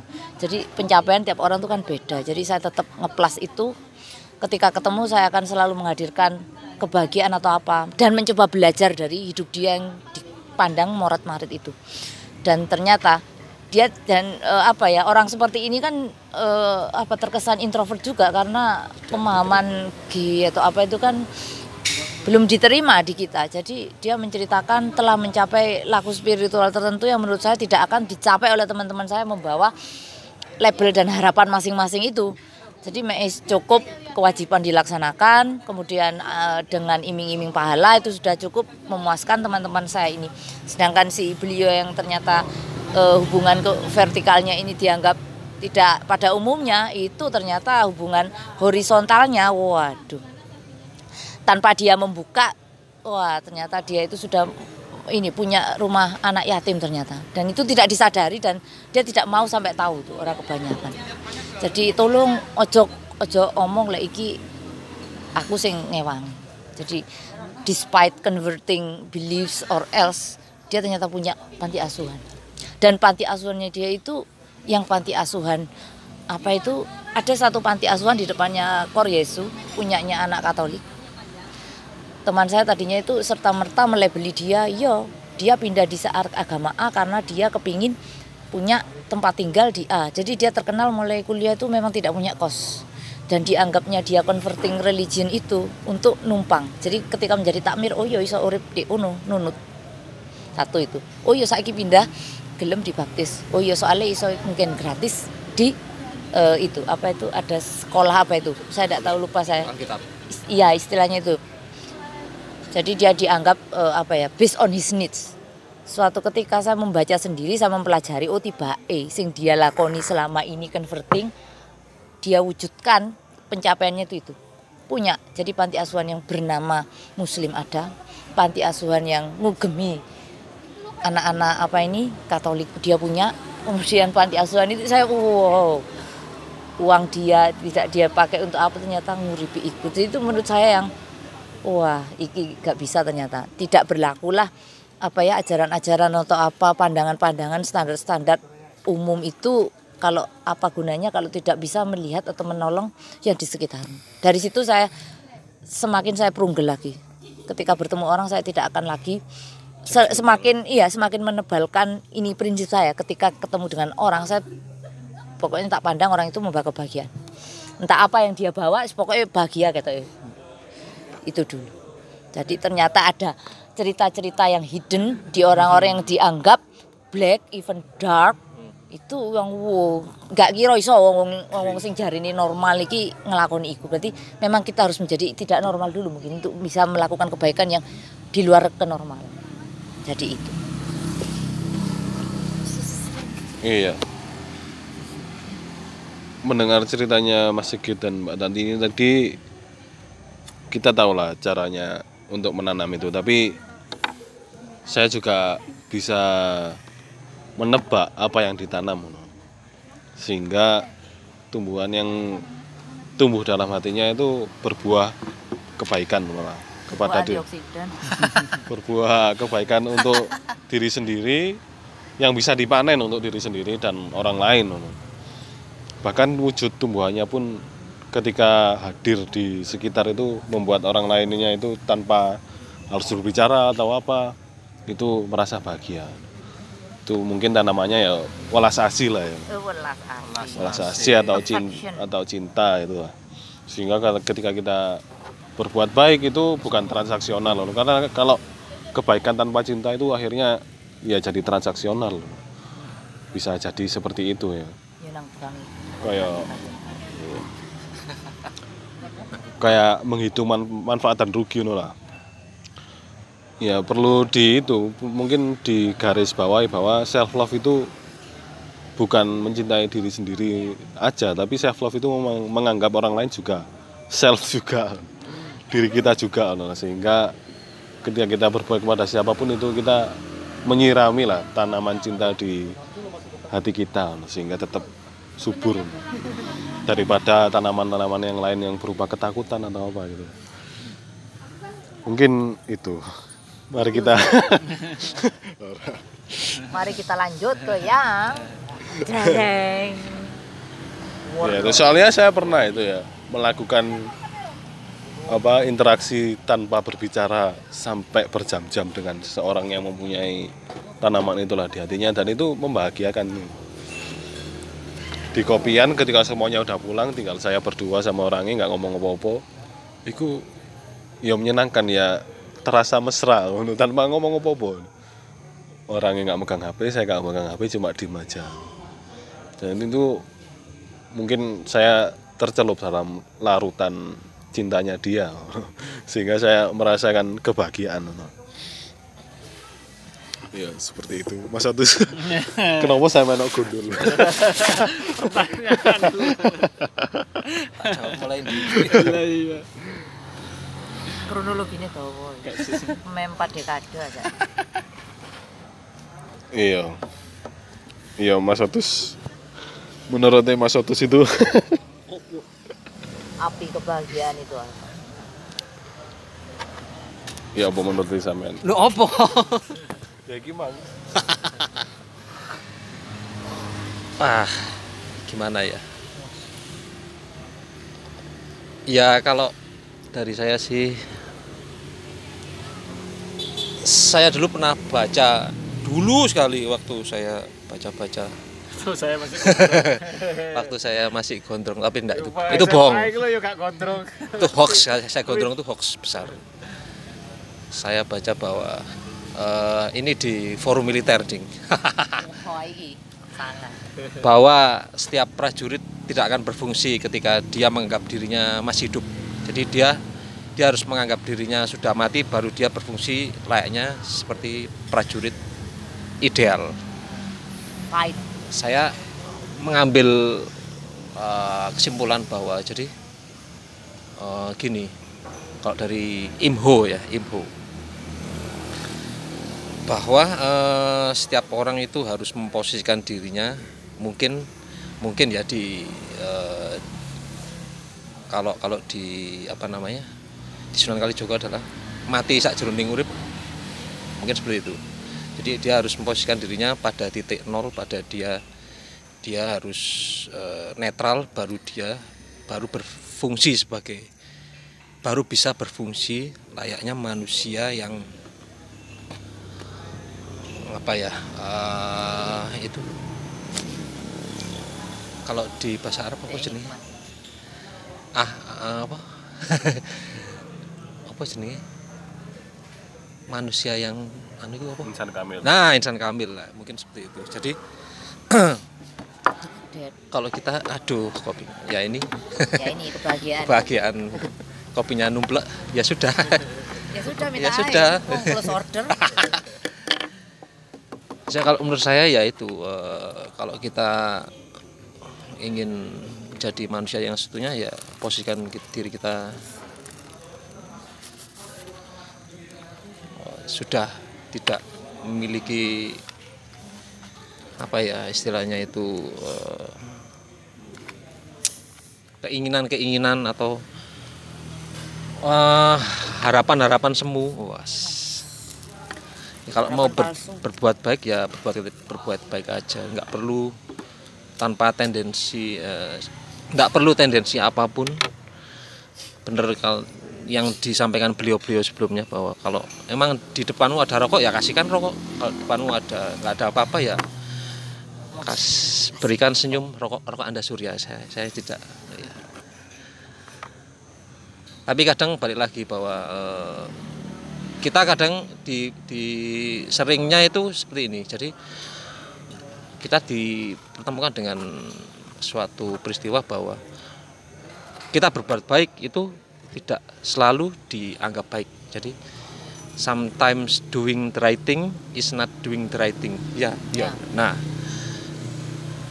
nah yang yang jadi masalah yang jadi masalah adalah ketika kita terbebani oleh eh, apa ya berbuat berbuat baik itu harus misal harus memberikan sesuatu harus membagikan ya enggak ya kadang kita memarahi seorang pun juga itu kalau emang itu baik di kacamata kita dan itu itu kita anggap eh, apa namanya membantu dia untuk lebih baik ya kenapa enggak? Jadi ya tidak usah merisaukan bentuk kebaikan. Jadi kalau emang harus dengan marah itu kebaikan ya silakan. Kalau harus dengan memaki-maki ya silakan ya mungkin. Ya kayak gitu sih.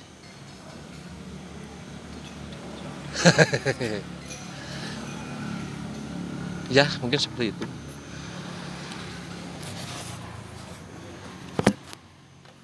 Iya.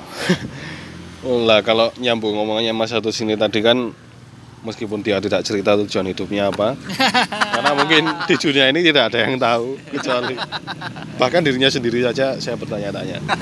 Ya itu dulu loh pada waktu rapat di Labul Mahfud itu. Udah rapat di level Mahfud itu skenario nya Mas Otus ini tidak ditulis. Tidak ditulis ya itu yang jadi masalah. Jadi dia itu nulis sendiri nih Iya. jalan hidupnya. Saya pernah tanya pada malaikat ya bingung. Iya. Ini tidak ada di list ya mas? Ya apa katanya? Ya anomali. Grey is color tuh opo colorless. Kayak menyambung omongannya Mas Otus ini tadi kan kayak misalnya untuk menjadi manusia ideal harus mati sak jeroning urip. Itu kan kita akhirnya tidak hikmat-hikmat menjalani hidup itu karena itu kan sangat sulit sekali untuk kita lakukan. Apa bahasa verbal itu kayak kita merasa mati di dalam kehidupan. Wah, kayak mati keinginan kita itu. Hal yang sangat sulit. Jadi perlu dan apa kayak misalnya kayak kalau kebaikanmu dengan marah-marah ya lakukan aja. Tapi kalau menurut saya itu balik ke tadi itu pengetahuan sebelum amal soleh itu di wal asri itu kita harus berpengetahuan. Jadi apakah dengan marah-marah itu kayak misalnya jari Gandhi ngono ya kekerasan itu memang bisa menimbulkan hal baik tapi dampak kekerasan itu tidak bisa dihilangi ngono misalnya ya ngono lah kayak dalam perang misalnya membuat ono teknologi-teknologi baru yang bisa kita manfaatkan sekarang tapi luka-luka perang ngono kayak sistem-sistem kol- kolonialisme yang berjalan sampai sekarang itu kan sulit sekali untuk dihilangi ngono. kayak ngono kan perlu pengetahuan ngono apakah dengan marah ini atau ataukah tindakan tindakan kekerasan ini bisa kita legitimasi dengan kebaikan? Kayak ya kayak ngono lah kayak itu perlu pengetahuan yang jujur terhadap diri kita sendiri. Sehingga kemarahan itu memang tepat untuk dikeluarkan. Yes ya ngono lah kayak ya ngono sih. Kalau menurut saya ya. Jadi kita memang harus selalu belajar ngono lah. belajar untuk mengetahui apakah kita ini untuk melakukan amal soleh ini memang benar caranya seperti ini. Saya tambahkan boleh ya Eh, makanya yang benar menurut Mas Aan tadi bahwa kita harus punya pengetahuan yang saya maksud adalah eh, jadi kita marah tidak serta marah serta merta marah tapi kita tahu eh, memposisikan diri bahwa karena eh, mungkin mungkin ya metode selama ini yang dipakai adalah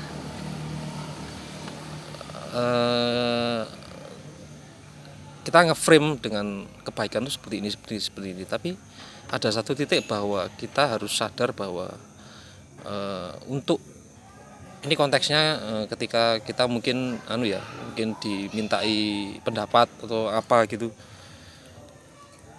misal gini eh, ada yang datang ya ini studi kasus ya ada teman saya beberapa teman saya itu yang Sopo ngenjene sampean sak liyane awake. ya di luar sini ya jadi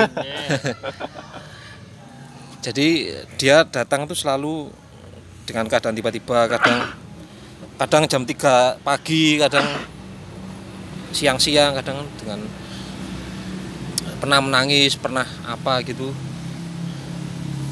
Itu meluapkan kecewaan bahwa selama ini dia eh, menjalin hubungannya salah dengan seorang. Nah pada awalnya dulu-dulunya saya kan selalu menerima apa namanya itu kecewaan apa pun yang dia sampaikan selalu saya terima.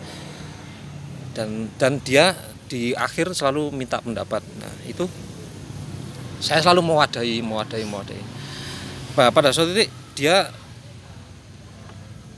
eh, mungkin itu puncaknya ya. Jadi dia tidak bisa eh, me, me- dia seolah kehilangan arah gitu. Aku udah apa udah apa Nah, kan ya di saat ini saya saya rasa saya harus mem- memberikan eh, metode kebaikan dengan marah. Dan dia sangat berterima waktu itu. Oh ya eh, apa kok nggak nggak wingi-wingi ngamuk. Nah itu kan itu kan anu apa namanya ternyata dia butuh eh, dimarahi. Jadi baru dia sadar. Nah, misal kayak gitu. Jadi mungkin eh, ya saya setuju dengan pendapatnya Mas An tadi bahwa kita harus punya pengetahuan. Cuman kan metode untuk metode untuk menyampaikan kebaikan atau melakukan kebaikan ya kita tidak bisa eh, terkungkung dengan yang selama ini bahwa kebaikan harus memberi harus ya ya sudah itu yang kalau memang harus marah ya silakan marah. Kalau memang harus eh, melampiaskannya dengan kesalahan ya silakan ya begitu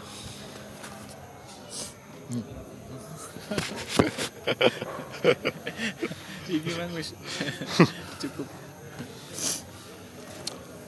Iya, saya rasa gelombang pembicaraan kita selesai di sini. Saya beri closing statement saja. Bahwa memang kita perlu lah apa di dalam pikiran kita yang crowded banget nah, kayak terhadap banyak sekali pikiran-pikiran yang memenuhi pikiran kita no kayak ketakutan, kecemasan, kegelisahan kayak ngono kan. Kalau kita mau oncai satu-satu kan banyak sekali ya di pikiran kita. Mungkin kita perlu untuk berdiam diri memang dalam kesendirian untuk menemukan lah kayak space kosong di otak kita no, untuk kita beri apa ya kayak beri jeda. aliran lah, aliran pengampunan lah terhadap diri kita sendiri, terhadap pikiran-pikiran kita sendiri, sehingga pikiran-pikiran yang cemas dan ketakutan tadi itu bisa kita maafkan, kita investigasi, terus kita bisa bertumbuh, mempertumbuhkan benih cinta, ketika yang lainnya sudah crowded, itu kita atau cari tanah kosong kita tanami benih cinta, sehingga yang kita soroti nanti itu ketika di dalam setiap penyikapan kita nu ya tanaman cinta kita yang ada di hati setiap orang gitu. Sehingga ya tadi kita ketika berbicara ketika bereaksi itu selalu mengedepankan kebaikan bersama. Kayak ya ngono lah kayak timbangane jancuk ngomong opo ngomong sayang. Sayang ya. ya ngono lah sudah ya daripada apa koneksi kita milih afeksi ngono-ngono iku lah. Daripada benci kita milih empati kayak gitu. Karena kita menyoroti tanaman cinta di hati kita bukan yang lainnya. Sehingga otak-otak apa kayak pikiran-pikiran kita melek melek melegitimasi you know lah tanaman cinta kita sehingga tidak banyak ukuran terhadap melakukan apa pun. Ya kayak ngono mungkin. Saya tambahkan sedikit. Oh, kasih iya. Saya saya tadi lupa mau menambahkan bahwa iya banyak yang ini kan tadi tujuan hidup ya. Kalau kalau dari Malaikat semut kabeh. silakan dicatat. Iya, malaikat. sing nyadar. Nah, yo, aku ngomong malaikat. Iya. ngomong nama malaikat kalau saya sih eh, seiring perjalanan oh opo rek. ya dulu kan dari umur 20-an terus ke 30-an menjelang akhir 30-an ya saya menjelang akhir 30-an selalu berubah-ubah jadi Oh oh, ae. pada beberapa tahun belakangan ini adalah yang jadi mungkin saya banyak kan. banyak Kira iki barang wis. ngeset eh, Gak apa-apa. Oh, nemen gak apa-apa iki. banyak ngeset goal-goal dari dulu lampu-lampu kebahagiaan. ya ini tujuannya adalah ya mungkin semakin saya ngeset ternyata saya dibenturkan oleh berapa banyak hal dan itu ujungnya adalah kecewaan pada saat ini ya tujuan hidup saya saya langsung potong saja. Tujuan hidup saya adalah untuk hidup. Hidup itu Hidup. enggak enggak ya hidup ya ya banyak substansinya. Ya kita tidak mampet kita tidak eh, stagnan. Apa yang bisa apa yang ada di depanmu yaitu yang bisa kamu lakukan. Goal tetap ada tapi menurut pengalaman-pengalaman sebelumnya bahwa kita semakin saya ngeset goal ternyata ternyata dibelokkan secara paksa secara apa ya secara tidak sengaja mungkin yaitu yang jadi eh, Ketumbluan. mungkin jadi eh, batasan-batasan. Ya sudah akhirnya saya mengambil keputusan bahwa tujuan hidup adalah hidup. Kalau sekarang kamu bisa eh, memberi ya memberi. Kalau kalau kamu nggak bisa memberi ya berikan. Oh gini.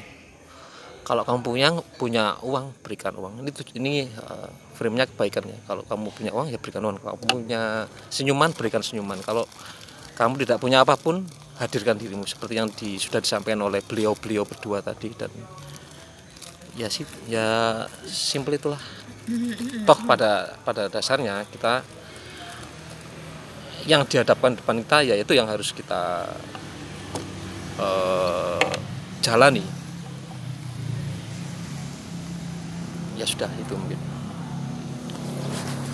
that's it Ya, terima kasih Mas Otus yang melempar isu baru. ya memang menurut saya kalau kita ngeset goal terus kita melekat terhadap goal kita akhirnya hidup kita jadi sempit gitu. Kayak misalnya kita lari gitu, sprint gitu. Lomba lari sprint gitu. Ketika wis di tekek apa gole 100 meter akhirnya ya sampai kono kita berlari ngono. Kalau kita ibaratkan berlari ini hidup, akhirnya kita hidup kita sempit cuma segitu saja ngono sampai set goal kita ketika kita lekatkan terhadap aku menang ketika aku iso di kono pertama. Itu akhirnya kan kalau kita telah lagi kan menjadi sempit kan ya. Sehingga kita tidak hidup ngono akhirnya.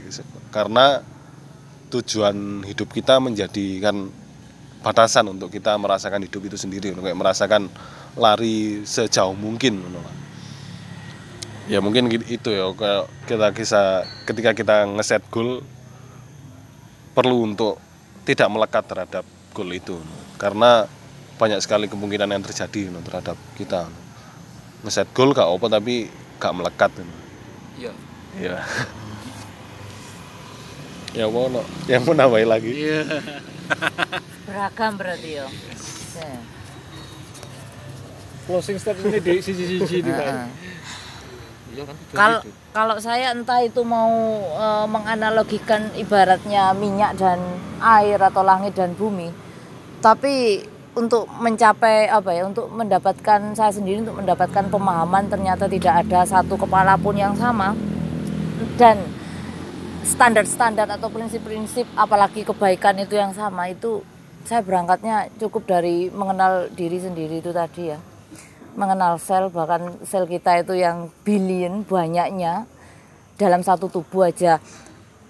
Banyak sekali yang menyusun kita maka saya yakin orang-orang entitas-entitas yang berjalan ini akan punya ukuran-ukuran sendiri yang saya yakin pasti ada set eh, ketika manusia itu berhasil dilahirkan berhasil terbentuk selama 9 bulan berarti dia sudah berhasil ini ya menjadi pemenang lah istilahnya itu. Mulai awal sudah menjadi pemenang. Jadi dari di situ mereka akan membawa eh, membawa apa ya desain sendiri lah. Eh, pun kebaikan itu. Jadi se- lek wis berhasil lahir itu berarti baik menurut saya. Terlepas itu nantinya mengalami masalah atau apa tetap baik. Lek gak baik ya s- sudah kalah dalam seleksi alam sebelumnya. Entah tidak berhasil terbentuk menjadi janin atau bahkan eh, stillbirth alias meninggal dalam kandungan. Pokoknya mela- melewati fase. Lah sekarang bayangkan kita yang hidup sekarang ini jajalo berendam selama jangan 9 bulan. Satu sa- mungkin Wim Hof sudah berhasil ya satu menit di jero banyu iso.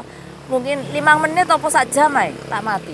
Dan sekarang bayangkan bayi sebegitunya dengan organ yang belum sempurna tapi mereka bisa hidup bertahan dalam apa itu air ketuban 9 bulan orang megap-megap. Metu yo iso ambekan menyesuaikan dengan tanpa air ketuban itu menurut saya sudah berhasil dan itu kompleks banget.